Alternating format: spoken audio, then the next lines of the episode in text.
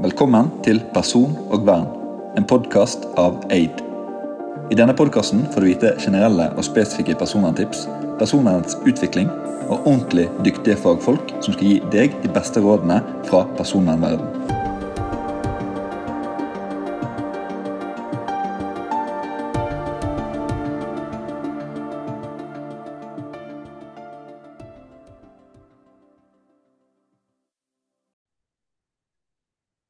Velkommen til en ny episode av Person og vern. Mitt navn er Daniel, og i dag har vi med oss Winfrid Winfried Etzel. Velkommen til deg. Takk, Daniel.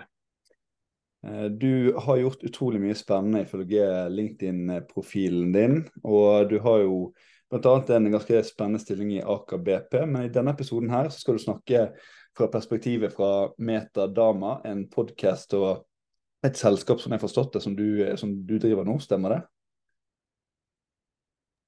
Det uh, stemmer delvis. Um, jeg er host for uh, vår podkast som heter Meta Dama, og det er en podkast som vi har hatt i to år nå. Går inn i uh, sesong tre um, nå rundt denne tiden. Um, men Meta Dama er en podkast som hører til Data Management Association i Norge. Mm. Dama. Og Dama er um, et uh, frivillig non-profit internasjonal um, ja, um, samarbeid um, i forskjellige chapter i verden rundt. Um, begynte i USA på 70-tallet, så det er ikke, ikke så nytt. Um, men uh, vi begynte i Norge med et chapter i 2018. Um, og siden der har vi egentlig bare prøvd å um, snakke om datamanagement, uh, få forståelsen om hva, hva er dataforvaltning. Um, snakke om rammeverket. Vi har en, en bookclub som vi kjører uh, hver høst. Som begynner nå sikkert i oktober igjen. Det vil snakke om forskjellige tema. Og uh, datamanagement er jo et stort tema. En stor fagområde. vi har 14 forskjellige kunnskapsområder uh, som vi snakker om, hvorav data governance eller datastyring er én, uh, arkitektur, datakvalitet, um, men også datasikkerhet. Mm. Og eh, ut ifra det jeg har sett, så, så, så nå da, selv om ikke du skal snakke fra det perspektivet, så um, har du en jobb som heter Data Governance and Architecture. Altså, Hva er det som betyr, hva menes på en måte med governance og architecture. Hva, hva betyr det i, i datasikkerhetsverden? Ja, vi har uh, hatt noen diskusjoner om hvordan man oversetter data governance til norsk. Um, og det vi endte med, er vel uh, datastyring. Mm. Um, og da styring i motsetning til forvaltning, som er det data, data management. Um, og hva er det egentlig vi styrer? Vi styrer vel ikke data, Um, fordi data gjør mer eller mindre det man forteller data det skal gjøre. Um, men vi styrer hvordan mennesker jobber med data. Og Det handler veldig mye om, det handler om folk, det handler om prosesser, og det handler om teknologi, men mest av alt handler det om folk. Um, og så var det noen som sa det på en uh, veldig fin måte. Keep people from doing stupid things with data. Akkurat.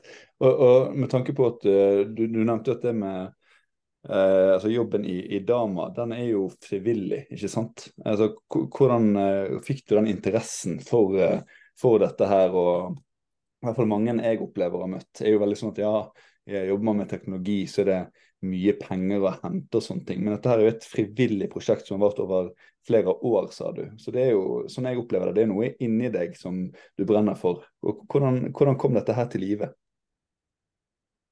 Det er heldigvis ikke bare meg, det er flere i Norge som brenner for det. Um, og det er noe med um, Enten er du i en situasjon hvor du har jobbet innenfor um, IT uh, lenge, og så ser du at um, det er visse mekanismer som, som gjentar seg. Um, de samme problemer dukker opp igjen og igjen. Og kanskje det er ikke teknologi som er problemet, kanskje det er hvordan vi bruker teknologi. Um, kanskje det er innholdet um, og dataene vi faktisk håndterer, um, hvor det er en utfordring som vi må forvalte, og ikke bare de teknologiske rammene. og for meg har ikke en klassisk IT-bakgrunn, jeg har studert historie. Mm, mm. Um, statsvitenskap, juss. Um, og um, det er veldig mye um, rart man kan finne på med, med, med et sånt sett av uh, skills. Men det som er veldig, veldig spennende innenfor alle de fagområdene der, er at man lærer seg noen analytiske evner. Noen evner å forstå informasjon i sammenheng. Um, noe som er, um, er, veldig viktig også når man tenker på, på datastyring og dataforvaltning. Um, så jeg, jeg, sklei litt inn i det fagfeltet fra, fra uh, siden. Um, men fikk interessen opp for data governance for 10-15 år siden. Um, begynte å snakke om det, og alle tenkte bare 'hæ, hva er det han snakker om?' Um, men så fant jeg noen likesinte etter hvert, um, og særlig da innenfor damer. Ja, for, for, jeg tenker på sånn, jeg tenker sånn, Hvilke mønstre er det man ser, eller er det som du ser som, eh, som du nevnte, som går igjen? Så jeg noterte meg på blokken her. Hva, hva, er det du ser som går igjen hva gjelder mennesker og teknologi, som gjorde at du fikk denne interessen her? da? Det er um, en, klassiske um, at man, man, hopper rett på løsning fra en, et problem. Man ser et problem, og så ser man Det er kanskje, um, kanskje naturlig for oss. at man, Når man ser et problem man ønsker, hva er, hva er løsningen vi kan bruke for å løse akkurat det problemet?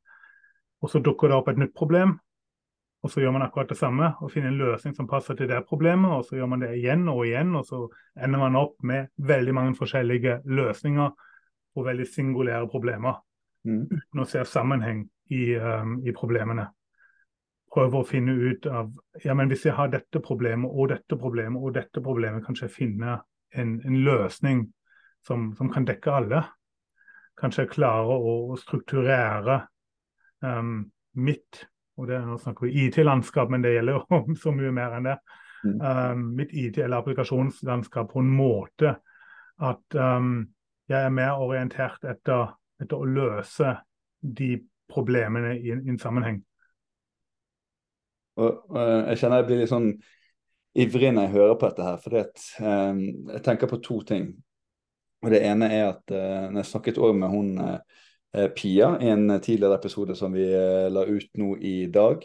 Eh, I tillegg til at jeg var på boklanseringen til han Kjetil Hatlebrekke, som det var nylig var bisettelse for. Så tenker jeg på liksom historiesiden av deg. For han sa en setning når han snakket om boken på scenen. For han sa det at det er veldig mange som forteller meg, sa han, at historie, eller historien gjentar seg. Men ut ifra det jeg har sett, så er det eh, altså, Hans eh, tolkning var at fragmenter av historien gjentar seg, men det er utrolig mye som ja, eh, fornyes på en måte på veien. da. Eh, og Det mente han i et etterretningsperspektiv og et overvåkningsperspektiv. At vi må ikke gå i den bekreftelsesfellen at vi tror at historien automatisk gjentar seg. Så jeg tenkte litt på denne historie, historiedelen av deg. Ser du Eh, sånn som du nevnte, om eh, folk går i samme fotspor og sånne ting. Men, men hva, hva, er det som forandrer seg? Hva er på en måte fra og til? Hva, hva ser du som er nytt, på en måte? Ja, det, det, er veldig mye nytt. Um, og uh, når man har studert historie, så, um, så, så, ser man egentlig Jeg er helt enig, historien gjentar seg ikke. Det er visse mønster som man klarer å, å, å gjenkjenne. Mm, mm. Um, hvis man ville sagt at historien gjentar seg, så er man inne i noe sånn hva, utilitarismisk uh, tilnærming til verden. Mm. Um, men det, det, er noen ting som, som, endrer seg veldig rapid og veldig fort. Og det er uh, særlig teknologiutvikling. Um, går veldig fort. Men så er det visse mønster i hvordan vi reagerer på teknologiutvikling som gjentar seg. Mm. Um, ny teknologi, ny entusiasme, Uh, samme, Jeg tror Gartner har den der uh, cycle of adoption. Mm-hmm. Fra um, hurra i starten til uh, Valley of Depression, og så går det så snart oppover igjen. Um, og det gjentar seg. Og det klarer vi å se i, i veldig mange sammenheng. Og, og det, det, min, eller, gjør at jeg har litt lyst til å hoppe over til Jeg hørte noe på en podkast som du hadde ute på Metadama på Spotify når jeg gikk tur her i går. Og det er dette her som heter data literacy. Og det er på en måte, Jeg har hørt om det før, men samtidig så var det litt nytt for meg òg. Fordi jeg har på en måte ikke hoppet inn i det på noen helst måte. Jeg har snakket litt med de i selskapet mitt om det. Noen har òg hørt om det, men det var litt sånn, ja, kan du nevne en gang til for meg hva det var. Så er vi mennesker i stand til å forstå dataen sånn jeg på en måte har skjønt det, eller om vi forstår teknologien. Så hva er egentlig data literacy, og hvordan, hvordan oversetter vi det? um, det er veldig mange definisjoner på det. Um, det er litt av det problemet med, med sånne buzzwords, at uh, alle ønsker å ta eierskap til det. Um, men den jeg liker best, er at data literacy er um, evnen til å lese, uh, skrive, forstå, men også kommunisere med data i kontekst. Okay. Um, og Det betyr at du må ha noe forståelse om hvor kommer den dataen fra. Um, hvilken kontekst har den oppstått? Um, hvilken konstrukser finnes det rundt data? altså Hvilke modeller? Um, hvilke metoder kan jeg bruke rundt data? Hvilke teknologier finnes det? Um, og prøve å kunne beskrive den dataen. Um, også med hjelp av uh, enkelte use cases og forstå hva man kan bruke den til. Um, det hørtes veldig komplekst ut når jeg sa det nå. Men essensen er uh, evnen til å lese, skrive, forstå og kommunisere med data. Så det er ikke bare nullere og enere, altså? Nei, nei, det er ikke det. Um, og det er kanskje noe som oppstår fra en veldig teknisk perspektiv, men er egentlig ikke det tekniske vi skal fokusere på. Um, vi ønsker jo i og jeg tror det er mange selskaper i Norge som har et sånn Data Citizen-program at man ønsker f.eks. Um, Power-plattform, Microsoft. Mm, mm, mm. har jo disse muligheter at alle i selskapet kan lage sine egne applikasjoner. Um, du ønsker å dele dashboard uh, med, med, personer i selskapet, så man kan se på statistikker. Men det er veldig få i selskapet som har en uh, utdanning i matematisk statistikk eller har en forståelse om hvordan dashboarden er bygd opp. Så hvis du bare får et dashboard med noen tall, hvordan vet du at det er de rette tall i rett kontekst? Og det er kanskje det vi snakker om her. Og så Når du sier det du sier nå, så tenker jeg òg på det her med at um, Det var hun Ida som sa det. At enten så er man sant, i uh, IOS, Apple-verden, eller så er man i Microsoft-verden, eller så er man i Google-verden. Uh, og finnes det noen alternativ? Er det god nok informasjonssikkerhet på det? Er det god nok personvern på det? Og så videre, og så videre, og så videre. Og at um, og hun Pia òg hadde tatt en litt sånn eh, personlig utfordring og sett om det fantes noen gode alternativer eh, til det. Og prøvd Nå skal jeg ikke hva det heter, Trustworth eller et eller annet system. Men, men du kunne ikke laste opp bilder. Det var ikke brukervennlig. Og det bare så skitt ut. og da, da ender det med at man går tilbake til Eh, det vi liker, det som er appellerende, de gode, fine knappene, Google-fargene. Sant? Mm. Mennesker går jo til det vi føler oss trygge i å bruke. Men så er det sånn, ja, er det god nok sikkerhet på det og sånne ting. Er det, er det noen sånne utfordringer du ser med disse plattformene, eller er det på en måte mest at de som bruker det, skal forstå hva det går ut på, og hva de kan legge inn i det? Det, det er mest det det går ut på. Um, uansett og helt uavhengig av hvilken plattform du uh, velger eller opererer på, skal du ha en forståelse om hvordan du kan bruke data. Om du kaller det for analytisk evne til å, til å forstå hvor dataen kommer fra og, og, hva konteksten er, eller om du kaller det for en, uh, en grunnleggende teknisk kompetanse. Mm. Um, men den kompetansen du trenger for å forstå, er det jeg ser på sant? Er det, gir det mening? Um, vi har jo hatt veldig mye diskusjoner um, de siste årene i politikken rundt uh, fake news. Mm. Um, klarer jeg å stole på de nyhetene som kommer ut? Um, og det, det, er akkurat det, bare på en mindre skala i ditt selskap. Det du skal ha den forståelsen om. Mm. De tallene jeg ser på, gir de mening. Og, og da kan vi eh, trekke en liksom parallell til det. da, fordi eh, Det som jeg sendte til deg på, på eh, dokument, altså det siste det med sant, kunstig intelligens. Sant, at, at eh, man skal få en nyhet på en kortfattet, lett måte, og vi skal få det fra et system som skal kunne måte prosessere alt dette her og gi det til oss på en, på en fornuftig måte. Og så hørte jeg um, på Aftenposten forklart sin podkast om at, uh, og det har jeg også sett flere på LinkedIn skrive, at kunstig intelligens kan bli dummere og ikke smartere. Eh, og da var det én teori da, som var litt sånn, jeg tror den var litt vag, jeg husker ikke helt, men at det kunne være innavl. At kunstig intelligens avler fra kunstig intelligens igjen, og ikke fra mm. menneskelige hoder.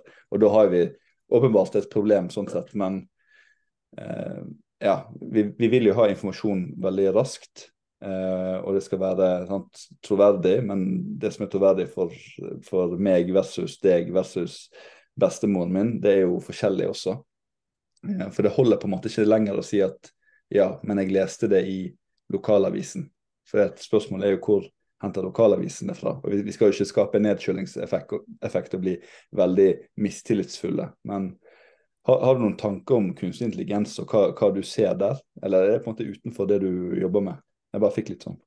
Um, ja, kunstig intelligens og AI er jo en, en, ganske stor del av det vi jobber med. Um, Mm. Særlig på et uh, strategisk nivå. Um, jeg tror at uh, hvis du skal lære opp en kunstig intelligens, um, så trenger du ganske mye data mm. for å gjøre det. Og uh, den enkleste kilden du har til veldig mye data, er internett.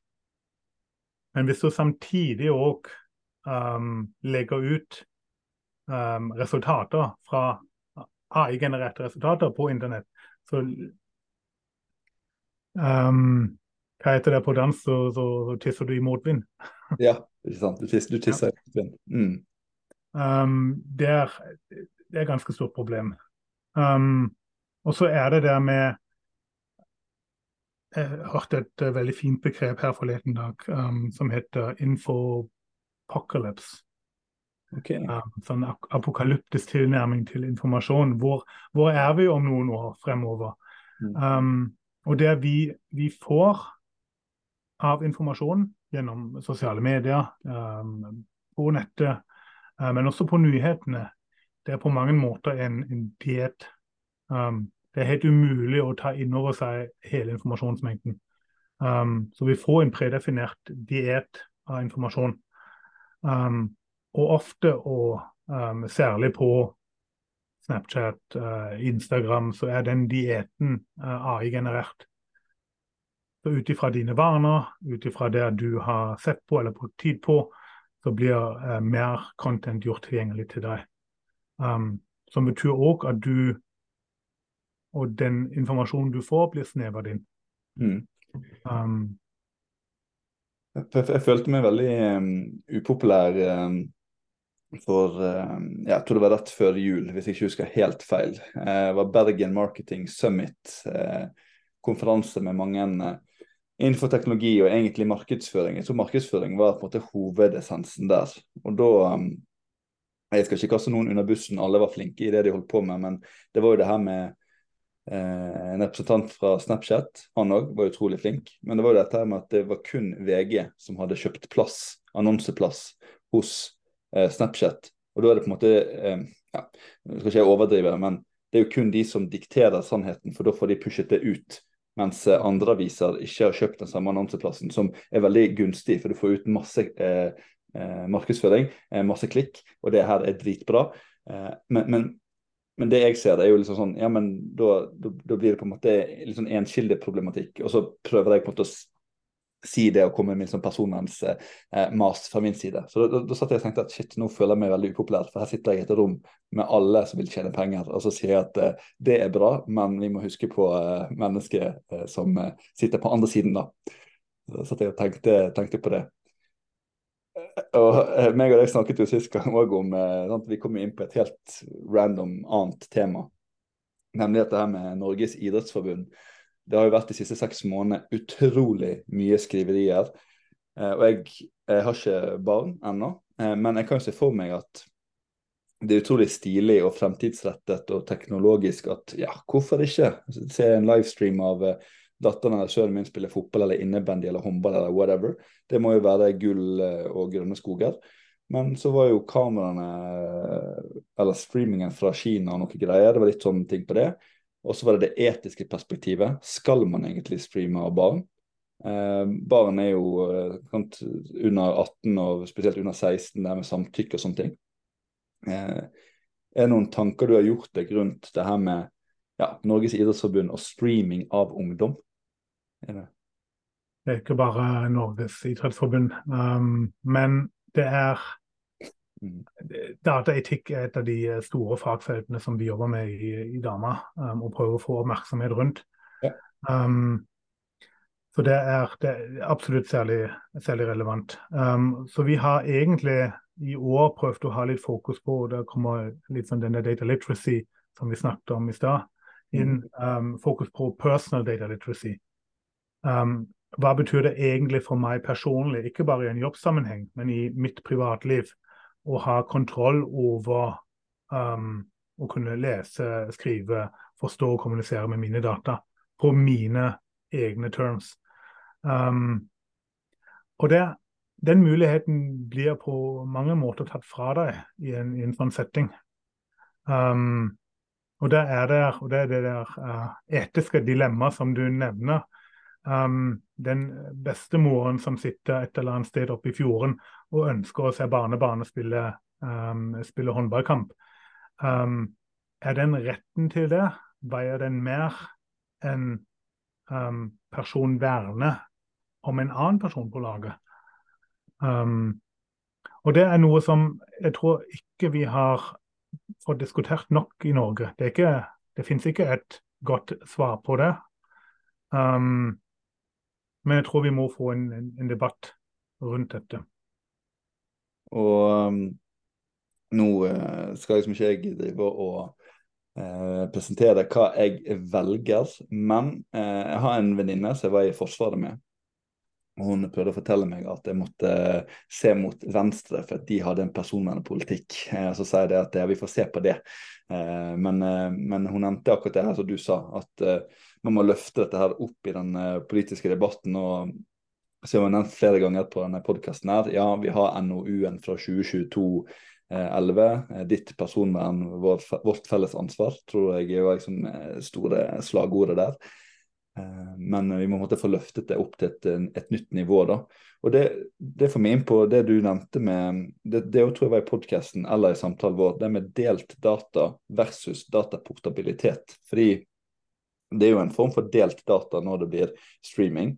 Eh, men eh, data, dataportabiliteten betyr jo egentlig at du skal kunne flytte dataen din fra ett sted eh, til et annet sted uten at det skal være noe på en måte, eh, ja, skal man si, friksjon. Eller det skal på en måte kunne gå eh, veldig brukervennlig og, lett, eh, lett, for seg. Er det noe du jobber med i, i Dama, det også? Nå, du, nå, kom du rett inn på GDPR, det er litt spennende. Men dataportabilitet er jo noe personlig. Um, og det, det, betyr at dine personlige data de skal du kunne ta med deg uh, fra en plattform til en annen. Yes. Um, og det, det, er litt vanskelig når den dataen er delt, særlig når den er delt på tvers av plattformer. Um, og nå går vi i veldig mange uh, plattformer um, som er aktuelle for, for, vårt samfunn, inn mot en retning der vi ønsker å dele data på tvers. Um, og jo mer du deler, jo mindre kontroll har du. Um, så hvis du skal ta den dataen med deg, så kommer du til å, til å få noen utfordringer. Mm. Og så tror jeg det er en Jeg har ikke lyst til å bruke ordet naivitet, fordi det er kanskje ikke det. Um, men uvitenhet uh, rundt implikasjoner. Um, det er kanskje en um, Kanskje man prøver å ignorere det, men ser bare det uh, positive ved å ha en veldig god katalog av, uh, av bilder, f.eks. på uh, Google, Google, Picture. Men at disse bildene blir brukt um, til å lære opp AI, um, der ser man ikke faren for, kanskje. Og da, Det minner meg igjen om eh, Dodge Telekom, du som er tysker. ja. så, så, den reklamen eh, der man eh, tar eh, ei lita jente, jeg tror hun er 13 år eller et eller annet, Ella heter hun vel. Der man eh, ja, inviterer foreldrene til en kinosal, og så ser man at man tar sånn eh, ja, Man bruker kunstig intelligens, gjør hun eldre, og så ja, blir jo dataen hennes misbrukt. Da, både bilder og, og det, ene, det, ene, og det andre. Eh, er, det dette her som vi kan kalle for datafisering av innbyggere, eller blir det på en måte feil av meg å si? For Vi nevnte dette med data literacy, og nå har vi kommet litt inn på ja, AI, delt data versus dataportabilitet. For, for du, du, hadde en veldig sånn fin setning som jeg skrev ned, sånn, det med å datifisere innbyggere. Vi kan jo ikke se eller vi kan jo se data, men vi kan ikke lukte det, smake det, kjenne på det, høre det. Det, det, det er litt langt ifra oss sånn psykologisk. Og da er det òg lettere å godta mer enn hva man kanskje ville ha gjort i den virkelige verden. Hva, hva tenker du om det? Ja, helt enig. Det er lett, lettere å godta. Um, men det er også um, du, du, har ikke så mange valg i samfunnet vi er i om å ikke godta. Um, men det der med uh, datafisering um, Jeg hadde en veldig spennende uh, podkastepisode um, på Metadata sammen med Lisa Røtta som forsker på akkurat det temaet uh, i uh, København. Um, og Det handler om datafisering av, um, av offentlige, offentlige, tjenester. Okay. og særlig i det offentlige i Norge så bruker vi uh, veldig gjerne et, et, narrativ om brukeren i, sen i sentrum. At vi ønsker å bygge tjenester rundt våre brukere. Um, men når vi ønsker å bruke, uh, bruke å ha bruker i sentrum, så betyr det òg at um, dataen må deles på tvers av etater. Um, og det kan ha noen implikasjoner. Det kan ha noen implikasjoner på hva dine data blir samla innenfor på den ene siden, og hva de blir brukt på på den andre siden. Det kan ha noen implikasjoner på, uh, rett og slett på maktbalansen i samfunnet. Når um, eksekutive og legislativet kan dele data på tvers, f.eks. Um, og så kan det ha noe um, viss maktpol um, av staten overfor borgeren. Um, maktmonopol. Um, som betyr at Og jeg, jeg, er jo født og oppvokst i, uh, i Øst-Tyskland, hvor vi hadde en, uh, en Eh, Stasi og en, eh, et statlig apparat som manuelt har klart å um, skaffe seg usedvanlig mye informasjon om sine borgere. Um, gjennom avhør, gjennom uh, informanter. Um, og der det, det, gjør noe med, med tryggheten i, i, et samfunn. For uh, man snakker jo mye om sant, det her med om det er nedkjølingseffekt, eller at man digitaliserer seg over fartsgrensen, og at eh, Sånn som du kommer inn på, du snakket jo med hun eh, Lisa. og det er jo det her man i personvernsammenheng kaller for innebygd personvern. At det skal være personvern fra starten av. Og det andre som er det åpenbare, nemlig personopplysningssikkerheten. da. At når vi holder på med så mye data, så må vi, som du nevnte, forstå det. Data literacy. Og da er det liksom sånn OK, eh, er vi ja, igjen som du sa, ikke, ikke naive, men, men, vi godtar veldig mye. da, Og dataen den flyter. Eh, og man, man, må forstå hva man legger inn i denne Google Drive-filen. Er det noen bekymringer utenom det du har nevnt knyttet til det her som du ser hjemme fra ut av Norge også? For vi, vi snakker veldig om Norge, men er det er det noe som er bra her og dårlig i andre land, eller bra i andre land og dårlig her? Så er det noe du har sett? Altså Norge er jo et, um, et veldig liberalt uh, samfunn. Og vi har jo um, i hvert fall når du sammenligner det med f.eks. USA eller, eller, enda verre uh, Israel, um, hvor du har en usedvanlig stor overvåkningsmekanisme fra, fra, uh, fra statens side. Um, vi er langt derifra i Norge. Um, samtidig er det, er det tendenser um, som vi ser. Og det som mangler egentlig er igjen, og, og, Lisa sa det òg i, i den podkasten jeg recorder sammen med henne, at det mangler den dialogen, den offentlige debatten. det er ikke et politisk tema å snakke om data, men det burde kanskje være det. Og så er det kanskje ikke så um, attraktivt. Eh, man vil gjerne snakke om den nye veien eh, Bergen-Voss. Den mener jeg selvfølgelig burde bli bygget også, da, jeg som vestlending. Eh, men, men, men, data er utrolig viktig, og spesielt hva vi ser fremover. Sant? Nå har vi vært innom det der med, med kunstig intelligens og, og, det som treffer oss. helt til slutt, Vindfrid. Er det er det noe annet du vil eh, legge til helt på slutten? Eh, vi har jo snakket en, eh, en god stund til glede for våre lyttere. Du har hatt en lang karriere, ser jeg. Du har vært innom mye. Er det noe du vil dele på slutten her som du, du tar med deg fra dette inn mot informasjonssikkerhet, personvern, teknologi? Um, jeg tror jeg må eh, rett og slett uh, komme tilbake til data governance som vi snakket om i starten, um, og det med datastyring. Jeg tror at um, for å få bedre datasikkerhet, så må vi se utover fagfeltet datasikkerhet. Um, vi må se dette i en helhetlig, i en helhetlig perspektiv, der vi ser på datasikkerhet, der vi ser på datakvalitet, der vi ser på arkitektur. Um, disse fagfeltene henger veldig tett sammen. Og du kan ikke bare um, løse personvernproblematikken med sikkerhet eller med teknologi. Um, hovedfaktoren er, er, folk og hvordan folk agerer med data. Jeg syns uh, dere som lytter til denne podkasten skal ta med dere uh, ordet data literacy. Jeg syns det var veldig kult dekket av eh, deg, Vindfrid. Og det er det jeg òg lærte mye av i podkasten som du har i Metadama. Jeg kommer til å linke til den i episoden, eh, eller til eh, podkasten generelt. Tusen takk for at du ville komme og snakke med oss i Aid. Tusen takk for invitasjonen. jeg skal bare ta og stoppe recordingen.